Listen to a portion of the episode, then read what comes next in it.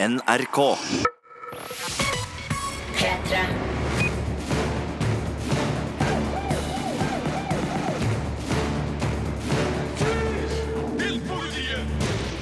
Velkommen til en ny podkast fra Filmpolitiet. Her i studio Sigurd Vik. Marte Hedenstad. og Birger Vestmo. Og i dag skal det handle om både film, spill og serier. Sigurd, du har sett eh, ukas eh, beste og verste film. Ja, det tror jeg vi kan oppsummere med, i hvert fall på kino. Eh, Den verste er Emoji-filmen. Kan bare si det med en gang. Den syns jeg var skikkelig, skikkelig ræl. Og den beste kinoopplevelsen jeg hadde, i hvert fall, er American Made, som i Tom Cruise som pilot, liksom. Ja. Du er jo så Top Gun-glad som det går an å få, Birger, ikke det? I feel the need, the need for speed. Yeah! Nå er dessverre ikke American Made like bra som Top Gun. Det Men er det vel er, en, det er vel en helt annen type film òg. Det er det òg. Den er basert på virkelige hendelser og handler mer om Narcos enn eh, noe annet. Men det er Tom Cruise som pilot, og da er vi jo i trygge vinger. Ja. Marte, du har sett en film som kvalitetsmessig er like bra som American Made, sånn terningkastmessig i hvert fall. ja, den eh, er det. Eh, Jeg har sett 24 uker, men det er en veldig tung og fæl film å se, som sliter i kroppen. For jeg har nemlig sett eh, et eh, tysk senabortdrama. Høres lystig ut, ja. Veldig lystig. Nemlig, akkurat, ja. Det er vel også om Downs syndrom inni der. Ja. Så ja, senabort pga. Downs syndrom. Så det er triste greier. Mens jeg har vært på filmfestivalen i Haugesund den siste uka og skal fortelle om de fem eh, beste filmene jeg så der, nemlig God's Own Country, Good Time, Om kropp og sjel, The Big Sick og Thelma. Vi har også ting på TV-fronten som vi skal snakke en del om. Det har vi. Vi skal anmelde The Tick, som har premiere på Amazon Prime, den ganske ferske strømmetjenesten, i dag. Og helt på tampen av denne podkasten, for dem som ikke er allergisk mot spoilere, så skal vi jo virkelig gå gjennom og diskutere The Defenders, som kom forrige fredag, som er Marvel-serien til Netflix. Og så har du et serietips, Marte. Ja, jeg har et serietips, eh, Atypical, som også er hos Netflix. Og så må vi ikke glemme da, at jeg skal også komme med det jeg syns var det feteste fra Gamescom-messa som har foregått i Köln denne uka. Så litt spill blir det også. Filmpolitiet. Og vi skal til en av dagens norgespremierer, nemlig American Made. Filmpolitiet anmelder film. This is the United States Drug Enforcement Agency. We are ordering you to land. All right, boys, let's land. What is he? That's from your back. You never saw me. He is the greatest smuggler we've ever seen. ATF, drop your weapons! Guns, drugs, money laundering? Sigurd Vik, det er du som har sett American Made, og hva er det vi hørte her egentlig? Nei, vi hørte jo eh, Tom Cruise, da. Han er en eh, ganske lett gjenkjennelig type. Og for å beskrive American Made i litt sånn sensasjon... eh, eh, Ja, I sensasjon, sensasjonsspråket så er det på en måte Top Gun møter Narcos. TV-serien Narcos, da, som handler om Pablo Escobar og gjengen her. For det vi møter, er en pilot, spilt av Tom Cruise, som er en litt sånn der eventyrer, jobber for et kommersielt flyselskap, men driver også og smugler litt cubanske sigarer inn i USA, litt sånn på siden, på slutten av 70-tallet. Og så kommer CIA og spør hei, du, du er jo en litt sånn rå type, vi vet at du driver på med litt snusk, men hva om du heller har lyst til å ta litt sånn spionasjeoppdrag for oss over Mellom-Amerika, der vi tror det er masse kommunister? Og Tom Cruise bare ja, kanskje det kunne vært litt kult. Og så møter han Pablo Escobar, og så møter han den eh, Panama-diktatoren eh, Manuel Noriega, og så bare blir det en slags sånn her narkosmuglingens Forest Gump, da, der eh, Tom Cruise bare snubler gjennom alle mulige kjente personligheter som var innblanda i menneskehandel, narkotikasmugling, kontras, kommunisme osv. Ja, Er det her et sånn morsomt eventyr, da?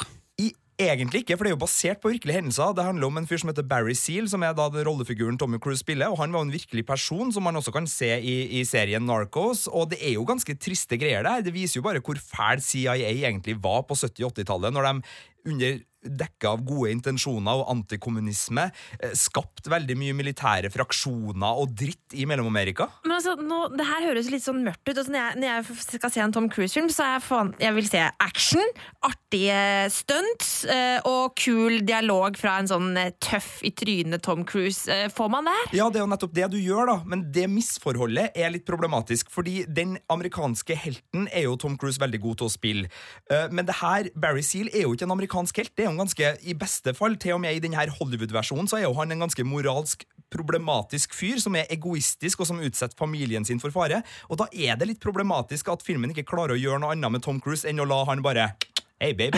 Altså, Han er bare Tom Cruise. Så det er et stort misforhold her, hvor filmen ikke klarer å ta inn over seg det den egentlig viser, altså de handlingene og den kritikken sånn American Made spiller på, eh, fordi den er mest opptatt av å bare være en ganske glatt og polert underholdningsfilm. Men Tom Cruise i en cockpit, altså får du i hele tatt en sånn Top Gun-vibbe? En, eh, ja, det er litt pilotaction her, Birger. Så, så hvis du liksom savna Maverick og har lyst til å bare du, du, du, du, du, du, Viktig spørsmål. Er han like svett uh, her som han er i Top Gun i, i hele filmen? Uh, nei, men han er dekt av kokain på et tidspunkt. Ja. Så istedenfor svette, så er det kokain som har blitt Eh, ja. Men uh, ja Um, Det er bra underholdning på et vis, men, men det er noe umusikalsk over uh, cruisekontrollen denne gangen, altså. Terningkast fire. Les mer om film, spill og serier på p3.no Filmpolitiet.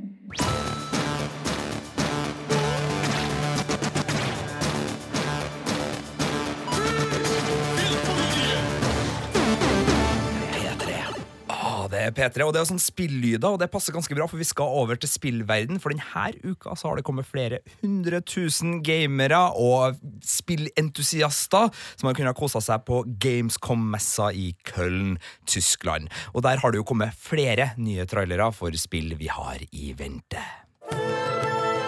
The exiled queen Cleopatra thirsts for power. We have informants in each region. Across Egypt, mysterious forces work against us. She wields followers with lethal skill in pursuit of her throne. It is time for assassinations.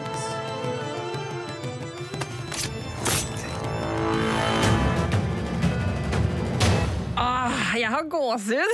Eh, Altså, Er det her en alternativ Game of Thrones-variant vi har hørt på nå? Det kunne ha vært Dette her er da lyd fra Assassin's Creed Origins, eh, som jo eh, vi har visst om eh, en stund, men nå har vi endelig fått to nye trailere hvor vi får se ordentlig bilder fra Egypt. Og hvordan syns du det ser ut, Marte? Jo, jeg synes Det ser skikkelig kult ut. eh, Og det er så stilig, for nå har vi endelig fått se uh, klipp fra spillet med Kleopatra og broren Ptolemaios, eller hvordan man skal si det. Jeg tror du tar Nei, nei. Men jeg syns Egypt er veldig veldig spennende, så jeg gleder meg skikkelig til å, se, til å teste det spillet her når det kommer i oktober. Altså. Var Assassin's Creed-spillet det liksom største som ble annonsert her? Eh, altså, eh, det har kommet veldig masse trailere, eh, og mye av trailerne er liksom sånne ting som vi så på E3-messa i juni, men at det nå har kommet liksom litt mer gameplay og, og litt sånne type ting.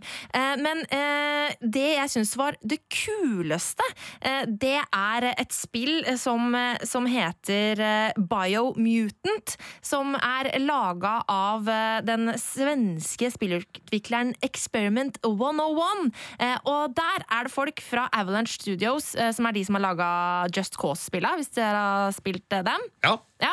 Eh, er ikke du ganske glad i Just Cause-spillene, Birger? Om? den eldste sønnen min er Ja, sånn veldig sånn glad, så jeg har eh, sett litt der. Ja, men da kan han glede seg til Biomutant, for det ser også ut som en sånn elleville greier. Det beskrives som eh, postapokalyptisk kung fu-spill i en åpen verden. Jeg må bare minne folk på Kong Fury, som også kommer fra Sverige. Som er en liten film som ble laga angående der. Svenskene altså, de Ja. har noen sånne ja, Ja, det er gode ideer. Og det ser så kult ut. Det er et sånn superfargesprakende opplegg. Eh, og eh, du spiller da eh, figurer som, som ser litt ut som en sånn eh, vaskebjørn eller revaktig, eh, og som, da er en mutant, og som kan liksom eh, eh, enhance seg sjæl med forskjellige ting. Det min, min, minner meg litt om Rocket i Guardians of the Galaxy. Men du sa det het Biomutant. Yes. Og det er fullt mulig å synge denne sangen. Biomutant Ninja uh, Raccoon. Yes. Biomutant Ninja Raccoon, Biomutant osv. Men det ser veldig ambisiøst ut, det her. Det kommer i 2018, og jeg, jeg gleder meg skikkelig skikkelig, skikkelig til det, altså. Men Marte, du nevnte E3-messa i juni, som jo er det store utstillingsvinduet for spill. Ja. Eh, Så det er som regel ikke så mange nye titler som dukker opp på Gamescom. Eh, Hvorfor er det likevel en kul ting å følge med på? Altså, det er jo fordi at vi får vite mer om de store titlene som ble annonsert eh, under etere, og så er det de som er der, får jo muligheten til å teste veldig mange av de spillene her. Sånn som jeg er ganske misunnelig på en del folk som har fått kosa seg med masse store titler som kommer i høst på, på Gamescom. Så jeg tror det her eh, blir en god spillhøst eh, i vente, altså.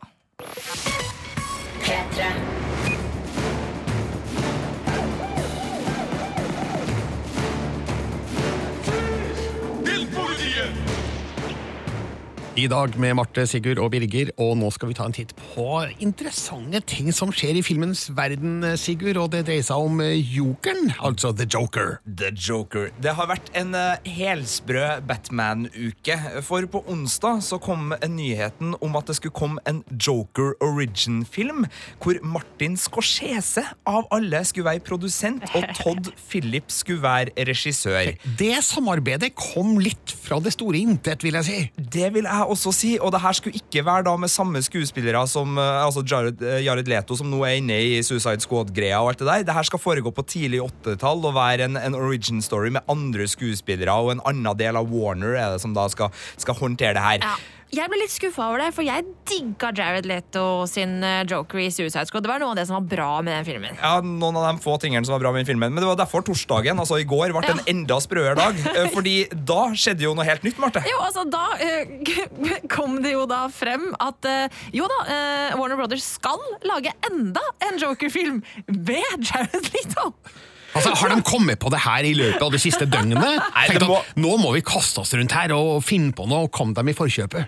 Det er sprøtt, men altså, det er jo ikke så sprøtt, egentlig. For det er jo to forskjellige Joker-filmer. da Den eh, som med Jared Leto sånn, den har vi jo på en måte visst om eller regna med, fordi at den skal komme etter Suicide Squad 2. Og da Ja. skal det være en Hayley Quinn og The Joker-film som lages da i det samme universet som vi nå beveger oss i DC sitt multiverse, da, eller cin- cinematiske Ja. univers. Mm. Mens den andre her er jo bare nok en Joker-film. Men det er jo noen markedsavdelinger som har enten bare øh, funnet på dårlige vitser i fylla sammen og funnet ut at de skulle slippe én på onsdag og én på torsdag, eller så er det bare miskommunikasjon av en annen verden. Men herlighet, øh, greit nok med Ja, nye Joker-filmer. Og jeg Liksom. gleder meg til å se Margot Robbie som Harley Quinn igjen. Hun var skikkelig kul. Hun, ja, hun trenger bare en mye bedre film å få være Ja. Harley Quinn i. Var. Suicide Squad egentlig en film, eller var det bare en samling trailere eller episoder etter hverandre? Det var noe.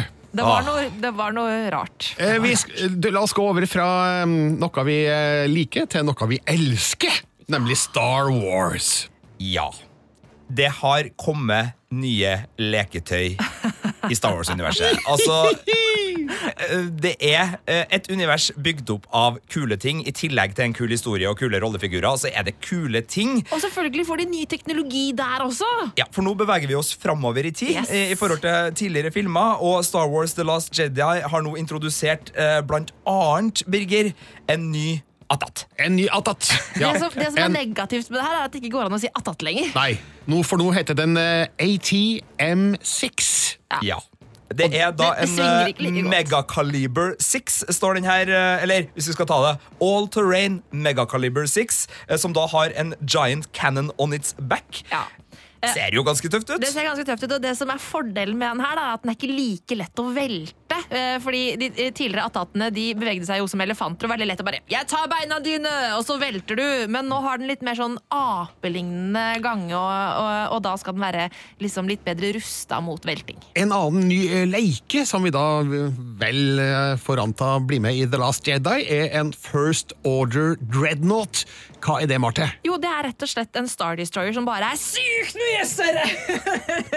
En enorm Star Destroyer, Ja. altså. Ja. Bigger is better. Åh, men for, uh, altså, det er jo en leketøysprodusent, Star Wars, i tillegg. Da, og det er klart, Ja. uh, I stedet for å drive og selge gamle attata, så er det jo kult å liksom få folk til å kjøpe enda mer. Ja, ja, Også de som allerede har bygd Star Destroyer i Lego, nå kan de bygge Dreadnought, sikkert. Det er bare å glede seg til midten av desember, for da tror jeg det skal skje noe.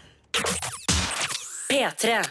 Og vi skal innom nok en premierefilm, nemlig Emoji-filmen.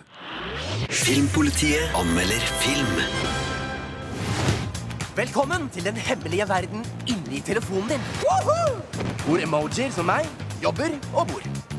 Alle her gjør én ting hver. Og vi må treffe 100% hver gang. Melding på vei! Vi sender ut med? Hvem? Meg? Å nei! Hva er det han driver med? Han lager jo feil grimase! Og så er det sånn, Sigurd Vik, at det er du som har eh, sett Emoji-filmen, fordi verken jeg eller Marte gadd. Ja, eh, takk for det. Nei, altså, Emoji-filmen er jo en animasjonsfilm som er mer eller mindre en variant av den første Lego-filmen og eh, den siste Smurfefilmen og i det hele tatt. Altså, den handler om emojiene som bor inni smarttelefonen vår, og så er det ett emoji der som ikke er sånn som alle andre. Eh, og da Først så føler den seg litt utafor, men så skjer det da et eventyr som har som mål å si at du er den du er, og det er godt nok, og du skal være den du er.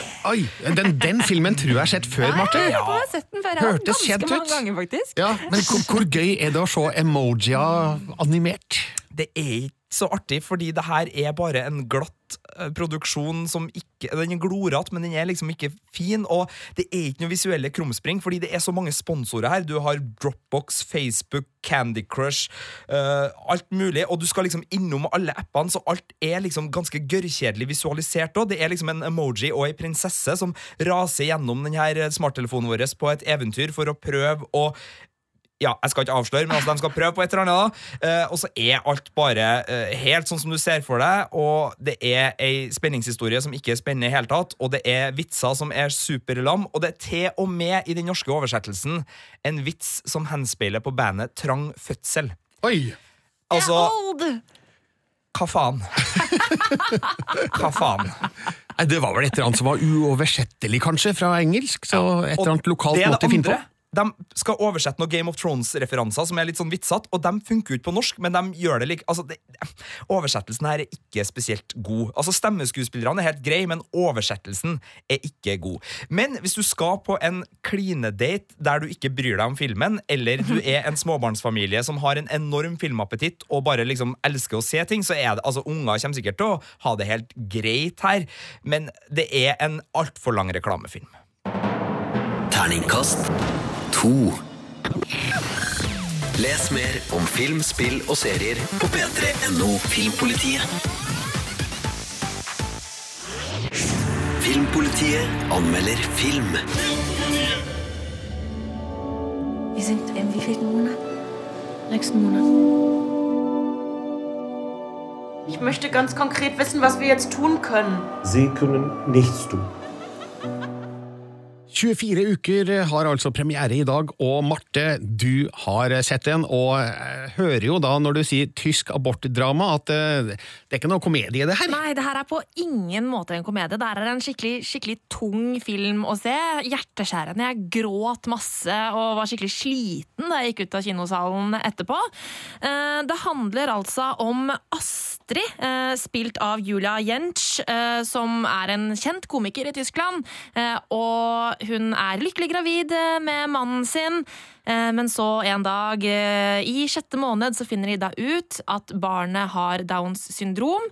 Og så begynner da hele denne karusellen med skal vi beholde det, eller skal vi ikke beholde det?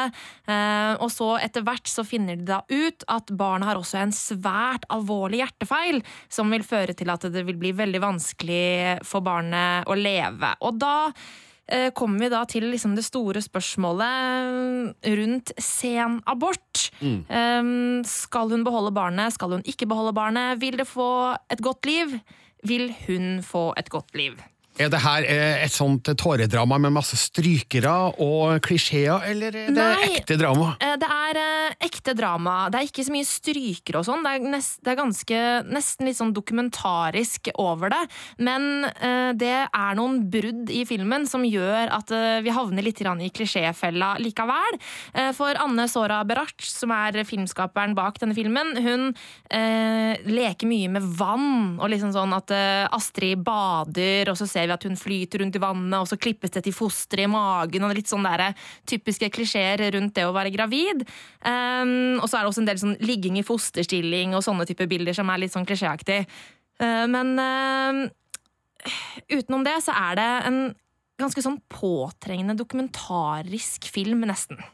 Sånn som tankeeksperiment, for hvis man har liksom tatt da, debatten da om abort og, og downs og den her, så er jo det her et eksempel som virker veldig, veldig, veldig satt på spissen, hvor på en måte Og hvis det er tilfellet, og hvis det er tilfellet, og hvis det er Mm. tilfellet, hva gjør du da? Altså, det er et veldig sånn der in your face-type eksempel, da, selv om det selvfølgelig er relevant. Altså, føles det troverdig med alle disse komplikasjonene? Klarer de å, å gjøre det til et, et vettugt eksempel? Ja, det føles virkelig troverdig. Og det har noe med at i Tyskland så er det sånn at eh, jeg tror det er at alle kvinner som får eh, et foster med Downs syndrom, får tilbud om abort. Det er, det er sånn er det rett og slett i Tyskland.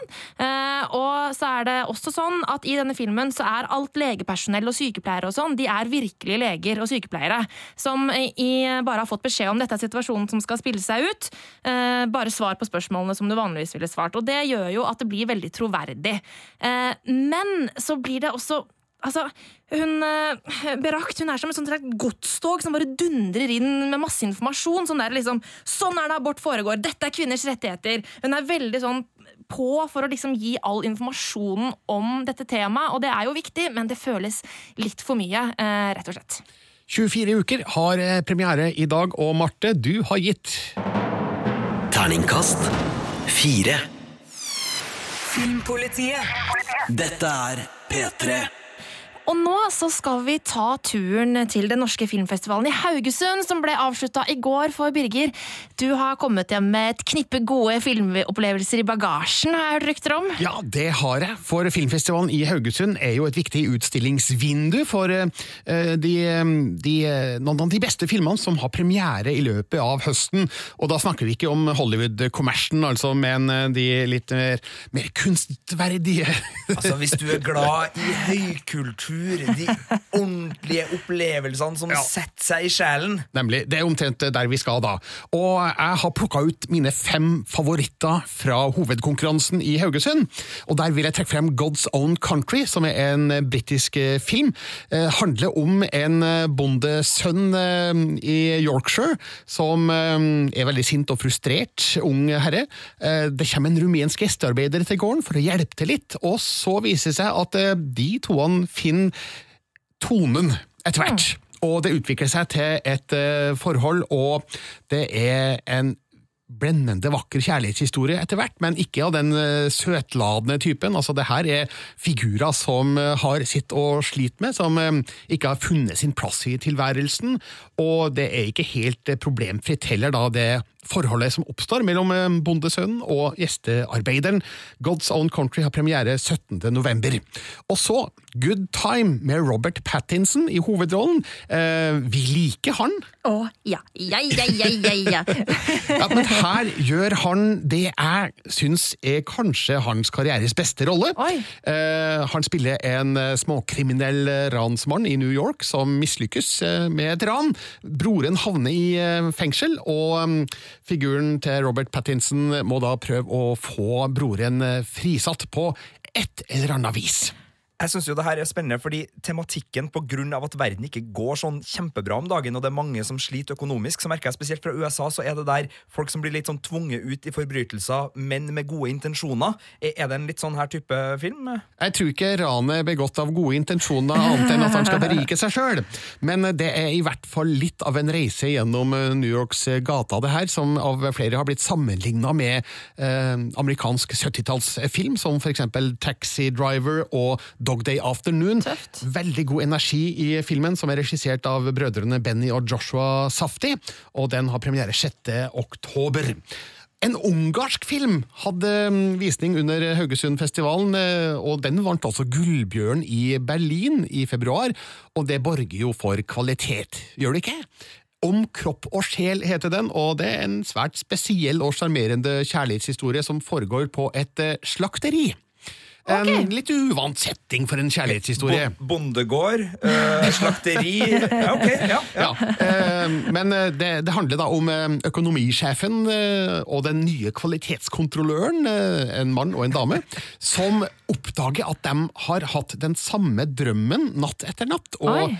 hva betyr det? Altså, Er de meant to be? Ja, er det, men, er det kjærlighet? Men det er ikke fullt så enkelt, skal vi se, i den filmen, som er veldig morsom på en sånn spissfindig, underfundig måte, og veldig godt spilt. Mye varme og humor i den.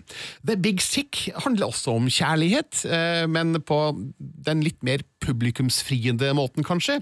Og her er det da den pakistanskfødte komikeren eh, Kumail Nanjiani som spiller seg sjøl i en historie som han har opplevd sjøl. Og for dem som lurer på hvem han nå her er, tenk Silicon Valley. Mm. Der spiller han en av guttegjengen som driver og utvikler apper i Silicon Valley, og han er knallartig. I The Big Sick eh, ser vi hvordan han blir kjent med ei dame, utvikler et forhold, må holde det skjult for sine foreldre, som vil arrangere ekteskap for han. Eh, um, Kjæresten blir sjuk, og så må han forholde seg til hennes foreldre, som viser seg å ikke være veldig sånn imøtekommende, i hvert fall ikke når de møtes. Holly Hunter og Ray Romano spiller de rollene. Eh, Så The Big Sick har premiere, det har jeg faktisk glemt å finne ut, men i løpet av høsten. Den siste jeg trekker frem, er åpningsfilmen i Haugesund, nemlig Thelma av Joakim Trier, som også vant Filmkritikerprisen på utdelinga i går, eh, der jeg sjøl satt i juryen, sammen med Mode Steinkjer fra Dagsavisen og Lars Ole Kristiansen fra Montasj.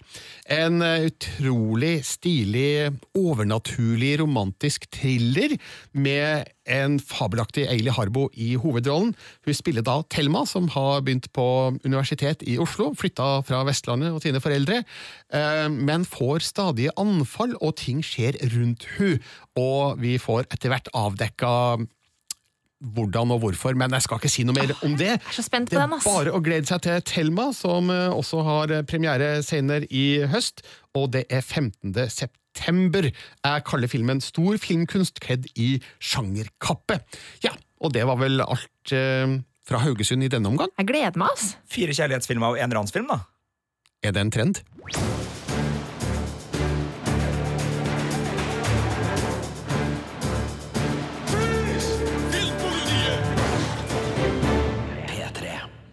Skal ta en titt på ting som skjer i eh, serie- og filmverden blir det nå, for vi skal i TV-ruta først, Sigurd. Det skal vi, og nå er det sånn at jeg har litt gåsehud på gang. For eh, ofte når vi får nyheter om at filmer eller gamle TV-serier skal remakes eller lages i nye varianter, så blir vi litt sånn her ble. MacGyver og Rush Hour og Dødelig våpen og Taken har vi fått nå, og det har vært ganske crap alt sammen. Men når jeg får nyheten om at Starsky and Hutch skal lages muligens til TV-serie, og James Gunn, som har laga Guardians of the Galaxy-filmene, skal være uh, head honcho, eller serieskaper, kanskje også regissør, da blir jeg gira, for jeg digger Starsky and Hutch. Uh, originalserien har ikke jeg så mye forhold til, det er en sånn 70-talls detektivserie, men filmen med Ben Stiller og Owen Wilson og Will Ferrell og Snoop Doggy Dog eh, er en av mine favoritter fra den tida hvor den gjengen laga masse kule komedier. Zoolander var ikke min favoritt, men du verden, Dodgeball, Old School, you name it. Wes Anderson er jo også en regissør i periferien her. Det er så mye kult. Og James Gunn, da, Birger. Ja, han har eh, hete jern i ilden akkurat nå, så om det her bare ikke forstyrrer jobben med Guardians of the Galaxy nummer tre Det står at han skal være øh, serieskaper, eller sånn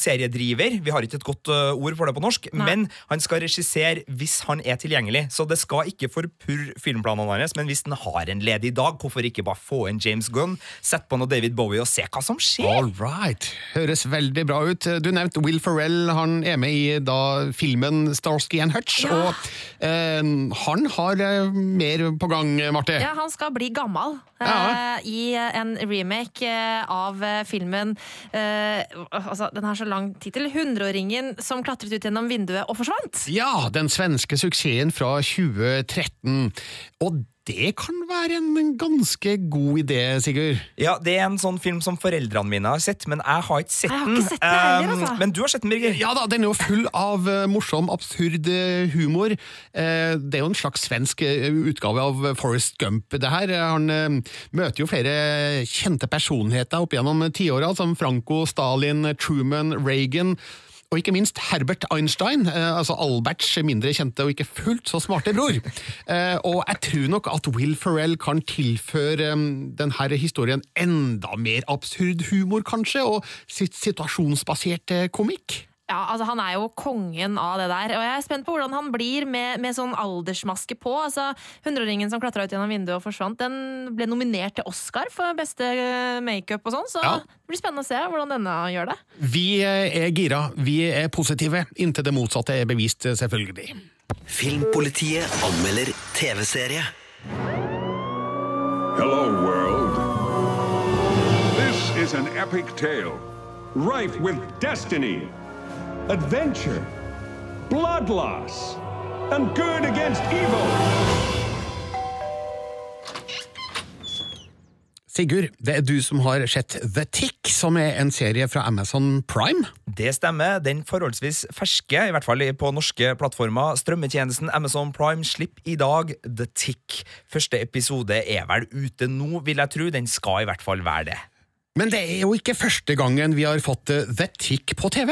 Nei, det er ikke det. Det er eh, basert på en eh, parodi-superhelt-tegneserie som ble laga av Ben Edlund i 1986, og det har vært laga en animasjonsserie. Det har også vært laga tidligere en vanlig serieversjon, eller en live action-serieversjon, der Patrick Warburton, som mange kjenner som Puddy fra Seinfeld, spilte The Tick i 2001, og nå da tredje gang en ny The Tick-serie, denne gangen da med um, en uh, ganske sånn uh, artig vri, der det er The Tick som da har et sidekick som heter Arthur, og så skal de løse forbrytelser. Det her er parodi-superheltserie. Så det er det å gjøre narr av og gjøre satire av superhelter som er greia. Det funker ganske bra, det er ganske artig. Det som ikke funker like bra, er at den har ikke tatt seg tida til å gjøre uh, spenninga spennende og actionslagsmålene tullete nok. Altså, dem som elska 80-tallets parodifilmer, da man virkelig kunne det her, sånn som Mannen med nakne pistol og uh, også litt sånn helter i strømpe. Altså Mel Brooks og Leslie Nielsen, for å si det enkelt. Du ga meg nå en ypperlig mulighet til å si Top Secret. Top Secret, ikke fantastisk. minst. Det er veldig mange gode filmer. Da var liksom, Selv om slagsmålene var teit, så var de artig.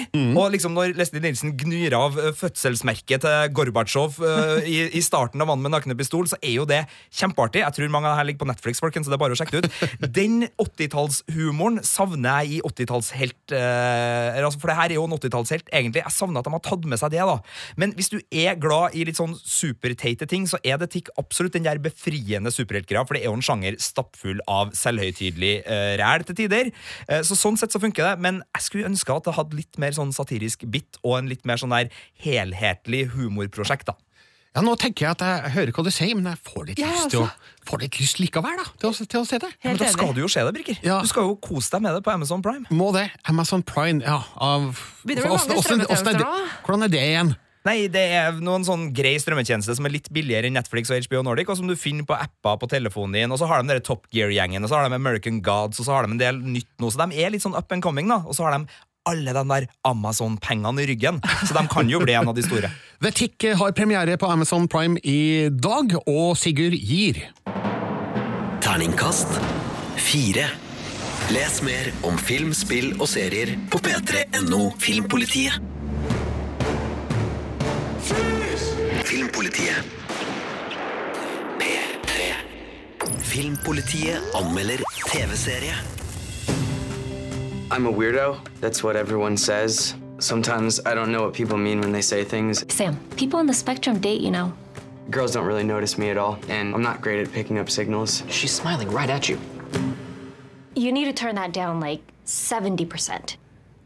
Vi skal over til serien Atypical, som eh, du vil tipse oss om, Marte. Og hvorfor det? Jo, for altså, Den hadde eh, premiere på Netflix for et par uker siden, men vi fikk ikke noe screeners på forhånd på den, og da ble vi litt sånn Nei, men da gidder vi ikke anmelde den. Eh, men nå har jeg Er, er det sånn du ser? Du så på meg nå. Er det sånn du syns at jeg er når jeg ikke får Ja, Vi kan jo avsløre en liten Ja, hemmelighet. Vi ja. pleier å få serier i god tid, men det er ikke alle serier vi får Ja. i god tid, og da er det ikke sikkert vi rekker å anmelde, og sånne Nei. ting, så det er noen sånne avhengige der. Men Nå nok om det. Nå har jeg sett uh, hele Atypical, og den føyer seg inn i rekken på det Netflix driver med for tida, nemlig uh, ungdomsdrama. Altså, vi har jo uh, fått den eh, 13 Reasons ja, Why. eh, som var, handlet om selvmord, og så lagde de den filmen To the Bone, som handlet om anoreksi. I Atypical så beveger vi oss inn på autismespekterforstyrrelser, som er den rette betegnelsen for det. Det er da en gutt som heter Sam, eh, som har autisme. Eh, nå bare beklager jeg hvis jeg liksom sier noe feil sånn terminologi der. eh, Sånn at han har autisme. Jeg beklager det hvis det, hvis det heter noe annet, eller om han er autistisk eller whatever. Men nok om det.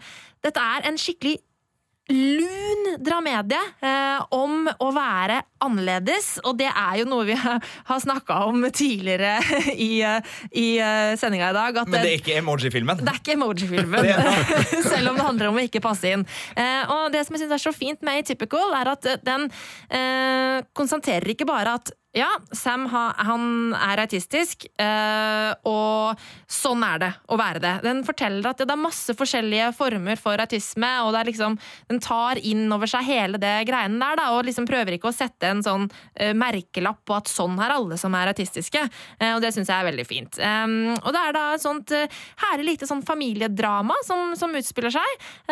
Han har en storesøster og to foreldre som sliter med sitt, og det er ikke bare bare å ha en sønn som får utbrudd og, og sliter med å passe inn i dagliglivet, men eh, han eh, Det er bare en skikkelig koselig eh, serie, rett og slett. Um, altså det er jo noe med den dramediesjangeren som, som gjør at man kan ta innover seg både sånn alvorlige ting, men også eh, ha liksom de morsomme, morsomme sekvensene i det. Og eh, Keir Gilchrist, som spiller Sam, eh, han har en sånn voiceover eh, hele tiden. Han forteller hele tiden hvordan han opplever verden rundt seg, eh, og det er ikke alltid fungerer så veldig bra når, når du på en måte hele tiden er i voiceoveren til, til førstepersonen, men her funker det veldig bra, og uh, Gilchrist er en skikkelig god skuespiller. Jeg, uh, jeg trives i hans selskap på skjermen, rett og slett. Kjenner du igjen problemstillinger og familiesituasjoner og utfordringer, Ja. selv om det handler om uh, autisme? Ja, jeg gjør jo det. fordi at eh, det handler jo om det at, liksom, å ha et barn som er vanskeligstilt, at det tar sin tørn også på familien, og at det sånn som søsteren må hele tiden sette sitt liv på hold fordi hun må hjelpe broren og sånne type ting. Det er jo uh, temaer som går igjen i andre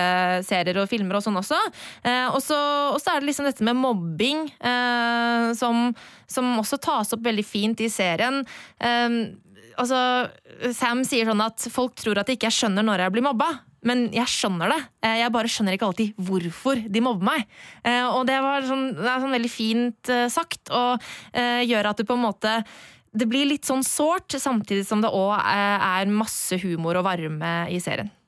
Eh, den dramediesjangeren har jo blitt kanskje seriens aller sterkeste Mm. format de siste årene. Man har, eh, Spesielt i halvtimesformatet, hvor man har dramedier som Transparent, Atlanta, Master of None, Better Things. Altså serier som er, som du er inne på, veldig sår, tar opp Mm. oppriktige problemstillinger. Enten det er alenemødre som sliter med tre døtre, eller det er en far som ønsker å stå fram for familien sin som transperson, og så blandes det inn hverdagskomikk, og ganske ofte sort komikk òg, Mm. for det er jo noe vi faktisk omgår, omgir oss med i livet. Eh, Er det halvtimesformatet som brukes her? er det er halvtimesformatet. 33 minutter. Eh, Det, det, snedig.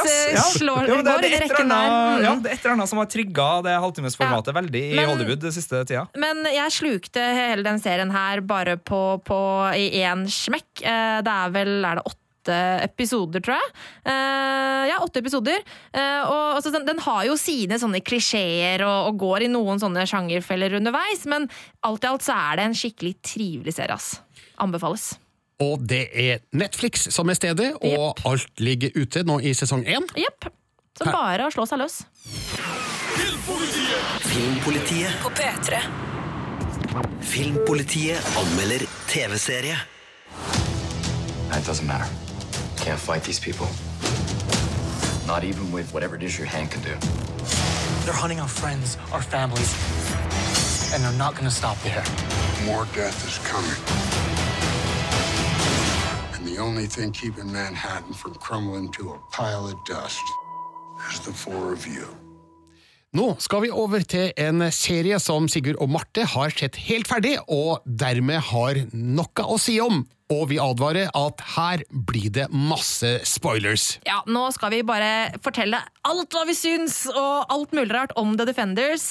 Eh, Jeg ga jo de fire første episodene i serien terningkast fire, men nå har både Sigurd og jeg sett alle de åtte episodene. Pluss alle de andre seriene som det her bygger på. For Ja. da snakker vi jo Daredevil sesong 1, Daredevil sesong 2, Luke Cage sesong 1, Jessica Jones sesong 1 og Iron Fist sesong 1, som er da det som utgjør Marvel Cinematic Universe sin Netflix. Netflix så langt. Og så kommer det vel noe Punisher etter hvert. òg? Jo, det kommer Punisher. Den gleder jeg meg for så vidt til. Ja. Eh, fordi at jeg har jo begynt å bli litt lei eh, dette universet nå, for å si det forsiktig. Og det er ikke bare i TV-serieverdenen, altså, det er på, i- på filmlerretet også. Jeg er ikke litt enig i at vi begynner å bli litt lei av Marvel-greiene nå, Birger? Behovet er i ferd med å bli mer metta, kanskje. Ja. Jeg tror jeg tåler et par filmer til. Ja, og det er jo verdt å si, det her henger jo sammen med filmuniverset. For Det det, det som skjer i The Avengers, første filmen til The Avengers, refereres jo som The Incident. For Ja. da var det jo New York som fikk besøk av den her forholdsvis svære metallslangen som kom ned fra verdensrommet, og som Iron Man og Hulken og Thor og gjengen måtte slåss mot. Så det er på en måte lagt rammer, så det er ingen som blir sjokkert over at det finnes mennesker med superkrefter lenger i New York her. Eh, vi kan jo bare kjapt ta en liten sånn her gjennomgang av filmpolitiets forhold til det her. For vi Mm. starta jo, Rune Håkonsen, vår kollega, ga jo terningkast seks til første sesongen av The Defenders. Å ja. Nei, Nei, av Daredevil, mener jeg. Som var var det første vi fikk. dritbra. Jeg, jeg syns ikke den var så bra. Jeg spola litt gjennom slåsskampene der, men det har jeg fått kjeft opp, eh, Ja. kjefta opp av deg, Marte. Fordi altså, kamp, altså, actionsekvensene i Daredevil er jo faktisk bra koreografert. Ja, men de er for Eh, lang. Nei, og men, og Charlie Cox han kan ha slått altså, Fins det altså, du, Unnskyld meg. Det fins jo hele filmer som bare er actionsekvens, slåssing og kung fu fra liksom start til slutt. Altså, det, det kan være bra, det, sant, Birger? Absolutt, hvis det er gjort medrivende og actionfylt og morsomt og spennende. Og klart, disse TV-seriene må jo faktisk tilnærme seg det filmspråket og den kvaliteten som publikum er vant til fra kino. For det er jo kinofilmen de konkurrerer mot, ikke nødvendigvis andre TV-serier. Jeg er helt enig, men Grunnen til at jeg spola i Daredevil, var for at jeg syns vi fikk den samme slagsmålet om og om og om og om, og om igjen, og han har ikke noe ferdighetsutvikling. Altså det er sånn her, Han kan slåss mot to forskjellige folk etter hverandre, uh, og han kan være god og dårlig om hverandre. Trappesekvensen i sesong to, just saying. Jo, jo, Det er ikke sånn at det ikke fins noe utvikling, men altså når det skal slåsses i et kvarter i hver 60-minutters episode, og det er ti episoder, Ja. og når det vingler i nivå imellom dem, og jeg ikke på en måte føler at det er noe dramaturgisk utvikling i slåssinga, så blir jeg litt kjeda. Jeg, jeg kan jo forstå hvorfor det her skjer, fordi at en TV-serie det er mye mer å filme, og de har Mm. sikkert mye mindre tid og mye mindre budsjett, og ting må gå kjappere enn på en filmproduksjon, og at det kanskje gir utslag. Det er greit, men de konkurrerer som du sier, mot kinofilmen, så vi forventer mye her. Men uh, bare fortsett rekka. The- uh, Daredevil starta veldig bra. Terningkast uh, topp. Eh, vi likte Luke Cage veldig godt. Vi likte Jessica Jones veldig godt. Så kom Iron Fist. Ja, Daredevil 2 kom vel før Iron Fist. Ja, den- den... var ikke så god som eneren, Fordi da begynner The Hand, som er skurkeorganisasjonen, som Den melder seg. mystiske, eldgamle organisasjonen The Hand. men fremdeles Daredevil grei. Må bare si på alle de her Første del av sesongene er ofte den beste, Ja, og så skifter de hovedskurk, og så blir det litt teiter. teitere. Men i hvert fall, det har funka. Så kom Iron Fist, som du ga terningkast to. Fordi det var en rassdårlig serie. Ja. Eh, og hvis vi skal snakke om dårlig slåssing Jesus Christ, så ekstremt dårlig slåssing! Og spesielt i en sjanger eh, der det fins så utrolig mye bra. Altså, eh, Iron Fist prøver å legge seg tett opp mot kung fu-filmsjangeren, eh, og bare raserer hele opplegget. Altså, eh, han, Finn Jones eh, Mulig han har gått på et eller annet kung fu-kurs, men dæven døtte, han kan ikke å slåss. Altså, Det fins skuespillere i eh, asiatiske land som kan det her, som må gråte når de ser Ja, eh, ikke Og nå skal ikke vi gå inn i denne debatten om eh, Finn Jones burde ha vært spilt av en eh, asiatisk skuespiller eller ikke, selv om det jo har vært en debatt som har rast, men altså, han er bare for dårlig. Mm. Han er for dårlig, og, og om det er han som ikke kan nok, eller om det er fordi at koreografien er for dårlig men, Tror det er en men kombo. Men la oss bare sette toeren kraftig på Iron Fist, og så går vi videre til The Defenders. For at det, jeg er enig med deg, det starta bra. To første episodene av The Defenders, når man liksom setter sammen teamet, og de blir kjent med hverandre, for de har jo nesten ikke møtt hverandre, Mm. vet bare så vidt av hverandre. Man begynner å bygge opp. Igjen, da, The Hand er skurken. Og det funka ganske bra i starten, så jeg hadde ikke noe problem med å skjønne at det her var en firer. Ja, jeg, eh, jeg var, det er en svak firer på de Ja. fire første episodene. Jeg drev og vurderte terningkast tre, for å være helt ærlig. Men så øh, tenkte jeg da, men det var jo morsomt. Jeg ble jo stort sett underholdt selv om det er ting å plukke på her, så da endte jeg på fire. Ja, og det var sånn at Luke Cage-seansene gikk til hiphop fra 90-tallet, akkurat som Luke Cage-serien gjør. Nydelig soundtrack av Adrian Young der. Steinbra opplegg. Jessica Jones var litt for karikert Mm. drunk, eh, altså fyllik, men allikevel, hun var privatdetektiv. De klarte liksom å ta eh, stilen fra hver enkelt serie og gi de uh, individuelle personene den stilen i starten. Ja. Men så sklei det ut og ble til en grøt av jeg må bare si, Det dårligste slagsmålet for meg i hele serien skjer ganske tidlig. Det er når de er oppe i en svær skyskraper eh, hvor skurkene holder til. Og så har de tydeligvis blitt inspirert av filmen The Raid, eh, som er én og to, for så vidt, som er veldig kule kampsportfilmer, der eh, Star Wars har vel lånt en del av kampsportkoreografien derfra òg, til, til The Force Awakens. Det, vet, hvem er det som har regi på det, Birger? Husker du det? Uh, Gareth Hugh Edwards. Ja. De er da uh, så enkle at det handler om at du må slåss deg gjennom en skyskraper. Ja, du må slåss deg opp en skyskraper i den første mm. for å nå bossen på toppen, Ja. mens den andre filmen er jo litt mer vi vid, da, med Ja. flere locations. Da er det og- fengsel og sånn, ikke Ja, litt overalt, faktisk. Ja. Fengsel, blant annet. Nattklubb, eh, kjøkken her og der. Poenget er at det er utrolig mange du skal slåss mot, men så lenge det er dramaturgi i slagsmålet, og det er litt ulike er stilarter, og, sånn, og det er stilig, så funker det. Det som skjer i The Defenders, er at de tydeligvis bare har gått rundt hjørnet på priksen og sagt sånn Du, vi trenger eh, 40 stykker. Fått på dem svarte klær og bare får dem til å springe i gangen. Det er jo ikke noe slåssing. Det er så utrolig provoserende å se på. Det er jo dritdårlig. Jeg hører på dere her nå, jeg har jo ikke sett noen av de seriene vi snakker om, og jeg føler at jeg, jeg kommer ikke til å committe meg til å se eh, fire serier av eh, stadig synkende kvalitet for å komme frem til The Defenders. Nei, for det som er så synd, fordi det er jo masse gode serier i forkant her, og så skulle liksom The Defenders være den der krona på verket som avslutter og samler alle de superheltene våre som vi har gleda oss til, ikke sant? Og så er det den det er ikke den dårligste, for Iron Fist er verst. Ja, men, den er dårlig. Men, men eh, en veldig dårlig serie som virker som at det på en måte bare lever på restene fra de tidligere seriene i denne, dette universet. Det vi- er så kjipt. Og vi må snakke to ord om The Hand, som da er liksom den mystiske skurkeorganisasjonen som har veldig mye kampsportfolk, og som kan gjenoppstå fra de døde, som da er i Daredevil, og som er skurkene i Iron Fist. Og nå skal liksom mysteriet avsluttes, og de har jo en kjempegod leder i, med en Sigourney kjempe- Weaver. Sigourney Ja. Weaver er en fremdragende skuespiller, men de klarer jo ikke å gjøre denne organisasjonen noe kul. De avmystifiserer den sånn etter tre episoder, Mm. og så bare Ja, nei, Vi ville egentlig bare ha evig liv. Da. Det, det, det var det eneste. Også. Det er derfor vi i hundrevis av år har skapt et sånt svært konglomerat gjennom hele verden og bygd opp vår makt fordi at vi er gira på evig liv. Det, det var liksom forklaringen på hele The Hand. Og det er bare sånn, ok, ja vel. Var det det handla om, da? Og så drev de og snakka om at vi har én siste finger som vi ikke har sett ennå. Ja, og det er kjempemystisk. Og så var det bare han fyren fra forrige episode. Nei, fra forrige serie. Det var helt ja, Det var antiklimaks etter Ja, antiklimaks. Will he come? Og så bare I wonder if he will come to us and help us, bla, bla, bla. Og så bare Å ja, det, det er han fyren. Jeg trodde det var en sånn eh, liksom presidenten av eh, USA som tilfeldigvis òg var i The Hand. Å nei, det var bare han, han skurken fra i stad, liksom. Og Elektra kommer tilbake. Ja. Og hun var jo sånn cirka like givende som hun var i Ben Affleck sin Daredevil-film fra 2004.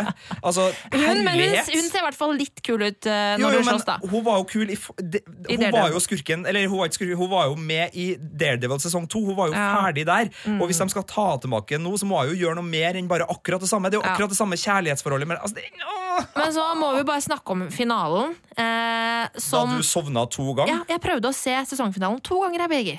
Eh, men det gikk ikke. Eh, første dagen så sovna jeg, så prøvde jeg å se, da, se, se den igjen dagen etter. Så sovna jeg. Eh, og det er fordi at episoden er på ca. en time, og var det 30 minutter av den episoden er ett slagsmål eh, nedi Et dårlig slagsmål. Et Jævla ræva slagsmål, liksom!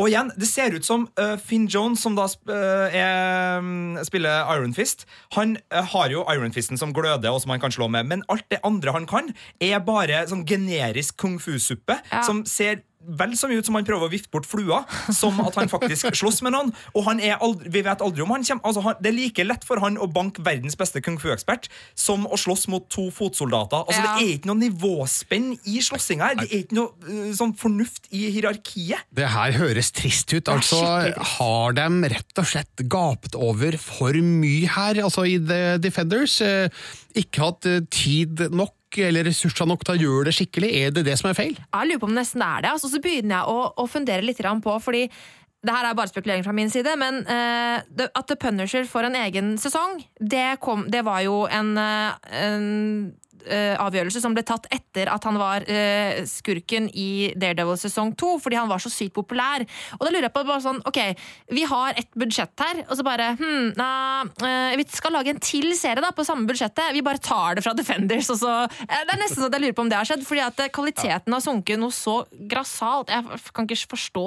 Og det andre det jeg vitner om, er jo at det er ikke en manusplan på plass her som holder vann. Altså Hvis de lager nye serier på innfall, så er nå det én ting, men hovedproblemet mener jeg er jo ikke et budsjettproblem nødvendigvis, selv om gode manusforfattere koster penger. Det er et manusproblem. manusproblem. Ja, det er mye i The Defenders. skrevet manus Altså, det var skrevet ålreit fram til midtpunktet, og så virker det som de bare prøver å komme seg hjem fra jobb for å rekke å kjøre til hytta på fredag. Altså, det er eh, Jeg vet at dere skal, dere skal få gå snart. Altså, vente, vi, vi skal gi oss snart nå på fredag. Nei, eh, nei altså, det, det, det var skikkelig uh, slapp og helt generisk. altså du vet B-filmer fra 80-tallet kunne ha manus der det ikke hang på greip, men det var liksom ofte da artig nok eller cheesy nok som man var med lell. Du har sett et par av dem, Birger? Ja, nemlig. De prøver litt på det, føler jeg. Men humoren òg, som vi serveres, er så dårlig. Altså De her eh, vittige kommentarene imellom superheltene. Flira du en eneste gang, Marte? Mm, jeg trakk kanskje på smilebåndet et par ganger. Ja, det var sånn her Å, se, Daredevil har tatt på seg drakten sin igjen. Wow, den er fin. Fine ører, da. Luke, Luke Cage. Nei, det er? Sjekk den drakten hans, Ja. da. Ja. Det var for dårlig, ass. Nei, fader ullan, altså. Marvels The Defenders eh, kan sees på Netflix Ja. hvis man har lyst, men eh, etter å ha hørt på dere nå, Sigurd og Marte, så har jeg ikke lyst. Nei, du skal få, du skal få slippe, Birger. Du skal få slippe. Filmpolitiet på P3. Det nærmer seg slutten på denne podkasten fra Filmpolitiet. Eh, når dette spilles inn, er det fredag ettermiddag. Eh, natt til mandag, Marte og Sigurd. Da skjer det store ting eh, for ja, ikke bare deres del, men for alle oss andre som følger med Game of Thrones. Den siste episoden av sesong sju. Det er for tidlig! Det er for Og det som er kjempetrist å tenke på, er at uh, vi vet jo ikke ennå, og det her skal vi komme tilbake til, men det ryktes jo at det kan bli 2019 Ja. før vi får den avsluttende og åttende sesongen av Game of Thrones. Som nå er, uh, etter alle solemerker, verdens aller største TV-serie. Eh, og vi fikk jo noen sånne e-poster nå fra HBO Nordic som skryter over at rekordtittinga har gått opp med 70 Eh, Det var en sånn gladmail fra HBO Nordic. Det er Sånn, eh, Seerrekorden fra i fjor har gått opp med 70% For det første, Man kan bruke statistikk til så mye, og hvis alle sammen blir kasta ut seks ganger i løpet av en episode, så må man jo se episoden seks ganger før man er ferdig. Så de, de, ta det med i klype salt, men det virker som å være Det bare vokser og vokser og vokser i Mm. popularitet, og det er svære greier nå. Eh, nå har det jo vært en del trøbbel med HBO sine servere de siste mandagene, fordi alle sammen skal se både Game of Thrones og Twin Peaks samtidig. Ja. Eh, når på døgnet er det best å se den siste episoden? Om morgenen før jobb. Eh, Jeg tipper at jeg skal stå opp klokka tre og se det, Eh, men da tipper jeg at det kommer til å henge litt, altså. for det kommer til å være en del som gjør det. Så jeg tipper at hvis du, hvis du står opp sånn klokka seks Ja, jeg pleier å se en mellom sju For vi starter som regel sånn, sånn i nitida, eller pressevisningene på mandag er sånn Mm. i ni-titida, så jeg, pleier, eh, jeg starter klokka sju. Jeg. Sju, ja. da, mandag klokka sju om morgenen, da er jeg oppe, og da går det helt fint. Da går det altså. smooth. Og for Men man få- skal jo ikke være nødt til å gjøre det. Nei, egentlig ikke. Eh, Men for å forberede seg til den siste episoden, så må vi jo selvfølgelig minne om Filmpolitiets Game of Thrones-podkast, som eh, ligger ute der du finner podkaster. Eh, Hva skjer i denne ukas episode? Nei, Vi gjør det så enkelt at de har vært veldig knappe på hva vi får vite om neste episode. Så vi oppsummerer jo selvfølgelig den forrige episoden, som var den nest siste. Snakker en del om, om hvordan ville være med demokrati i Vesterås og en del sånne ting. Vi, Marte skryter av hvor kaldt det er i Lommedalen, der hun kommer fra, og jeg mener at det er ikke like kaldt som nord for veggen. Men så uh, setter vi også krav til hva vi forventer at må skje Ja. i siste episode. For det er jo liksom sesongavslutninga, og det er jo en del sånne ting som har blitt eh, lokka med og, og sånn i denne eh, Game of Thrones-sesongen. Og vi da setter opp, både jeg og Marte og Andreas Hatser Opsvik, som også er med, vi setter opp tre krav hver til hva vi virkelig krever at uh, Benny og Weiss er nødt til å gi oss i siste episode. For uh, slutten skal ha vært skrevet av George R.R. Martin for lenge siden, Marte? Jo, det stemmer. eh, Og det er jo noe som nå det har blitt lagt opp til at vi skal følge et spor veldig tett. Og siden det er bare denne lille sesongen på, med syv episoder, og så neste sesong har bare seks episoder Men lang spilletid, sannsynligvis. Ja, men derfor har det liksom vært de veit hvor de skal, de vet hvor slutten er, og så må de skynde seg så innmari mot slutten nå! Eh, og det blir jeg litt stressa av, så jeg håper at eh, denne sesongfinalen blir bra. Det blir spennende natt til mandag, altså. Og så må vi bare si, for dere som har lyst til å diskutere det her med oss i et vaskeekte kommentarfelt, eh, sånn på tirsdagsmorgenen i hvert fall, så tenker jeg at vi har en anmeldelse ute av hele sesongen av Game of Thrones, Mm. der vi gir vår terning, og Marte gir vår dom, som ikke nødvendigvis kommer til å være bare udelt positiv, med mindre de gjør noe helt sykt på slutten, da! Men kom gjerne dit og diskuter med oss, fordi det her er jo et kulturfenomen vi elsker å prate om, og vi elsker å prate om med, med dere om det, dere som hører på, så, så kom dit da på, på tirsdagen og vær med i diskusjonen. Filmpolitiets podkast er over. Vi er tilbake igjen eh, om en ukes tid. Da skal vi annet anmelde filmer som Biler 3. Detroit, en veldig spennende film vi gleder oss til der. Og ikke minst en dokumentarfilm om David Lynch, som jeg gleder meg veldig til å se. Spesielt i disse Twin Peaks-tider. Ja, og Marte, du skal se Tulip Fever. Ja, det var det jeg skulle se. Ja. Det er jo med Alicia Vikander, blant andre. Så det, Ja. hun er jeg veldig fan av, så det blir Har spennende. hørt at den skal være litt sånn uh, racy. At det fins finnes visst en Red Band-trailer. Oi, oi, oi. Så Spennende. det blir morsomt å se hva det er for noe. Jeg driver jo og ser Narcos sesong 3 også, som har premiere neste fredag på Netflix. Ja, du for dem som du er driver og ser Narcos sesong 3 akkurat nå? Jeg gjør det. Og det kommer anmeldelse neste uke. Sigurd Vik, Marte Hedenstad og meg sjøl, Birger Vestmo, sier takk for følget. God helg.